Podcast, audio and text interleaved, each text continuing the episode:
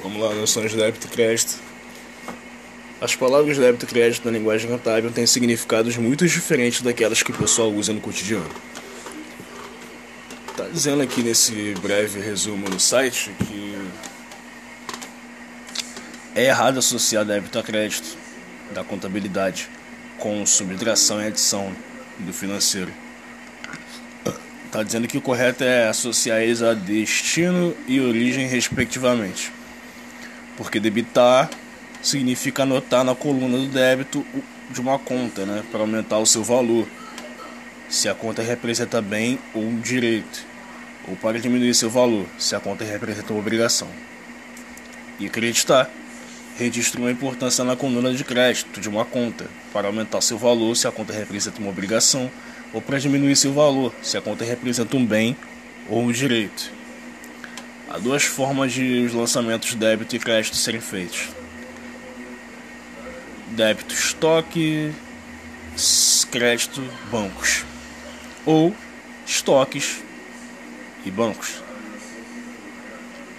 No primeiro caso, D e C significam débito e crédito, respectivamente. Já no segundo caso, o A sinaliza crédito sem a necessidade de colocar a letra D antes da conta de estoque. Tem-se por mais usada a primeira opção, né? Caga pro bagulho de A agora. Débito é a aplicação do recurso, enquanto crédito é a origem do recurso aplicado.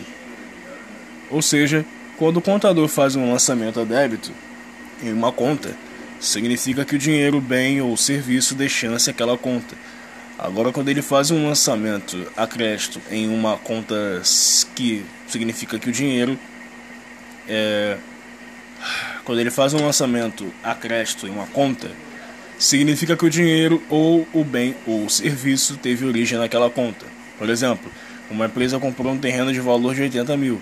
Para pagar a taxa à vista, foi usado o dinheiro disponível na caixa da empresa, lançamentos e registros destas duas contas da seguinte forma: D débito, né?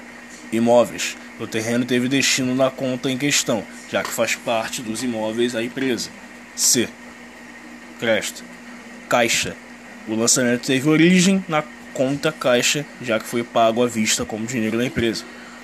Se uma conta recebe algo ou assume o compromisso de entrar em algo, é debitada. Se uma conta entrega algo ou adquire o direito de se receber, é creditada. Contas. Ativo, passivo, despesa, receita, patrimônio líquido.